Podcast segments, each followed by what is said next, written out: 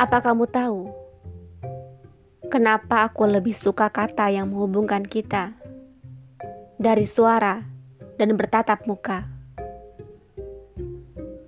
Itu karena aku tuli. Kamu belum sepenuhnya mengenali siapa aku. Demikian isi pesan terakhir dari Elena.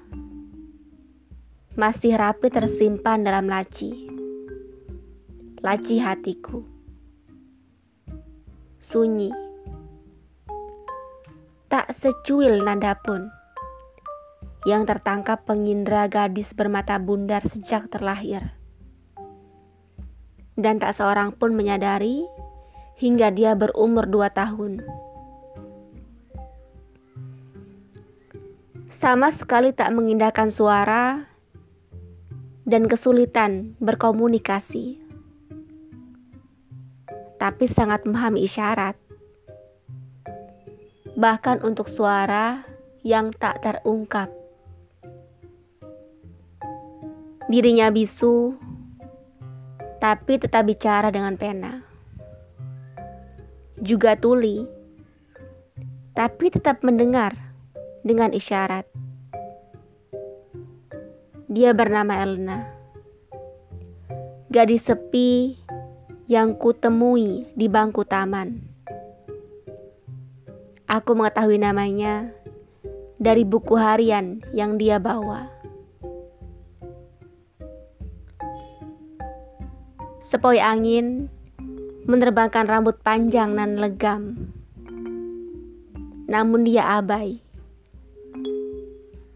Tampak fokus menulis.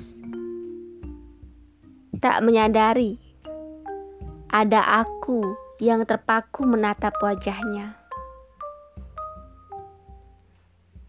Seekor kupu-kupu bercorak ungu dan abu-abu hinggap di atas meja tempat kedua tangannya bertumpu. Sesaat dia berhenti menulis. Beralih memerhatikan serangga cantik yang diam bertengger. Perlahan, tangannya mendekat, hendak menyentuh. Namun kupu-kupu bergegas mengepakkan sayap, terbang menjauh. Dia menyungging senyum demi melihat penghisap nektar bunga kabur Andai saja itu aku. Tentu begitu jemari lentiknya berniat menyentuh, tak seinci pun akan beranjak. Tapi jelas bukan sebagai kupu-kupu, melainkan kumbang. Hayalan konyol tiba-tiba saja terlintas. Dasar lelaki, aku memaki diri sendiri. Baru saja sekejap tersadar dari lamunan, gadis itu sudah berkemas, merapikan buku yang berserak di atas meja, memasukkan pena ke dalam kotak pensil, kemudian pergi. Ingin rasaku menahannya tinggal lebih lama, lantaran belum puas memandangi parasnya diam-diam. Dan sepertinya jarum takdir berpihak kepadaku. Tanpa sadar, dia menjatuhkan buku catatan harian. Tak ingin menyanyikan kesempatan, segera memungut peninggalannya. Lantas menyeru sang pemilik. Hei, bukumu terjatuh. Namun dia tak menggubris. Aku berteriak lebih keras lagi. Tapi tetap saja. Biarlah.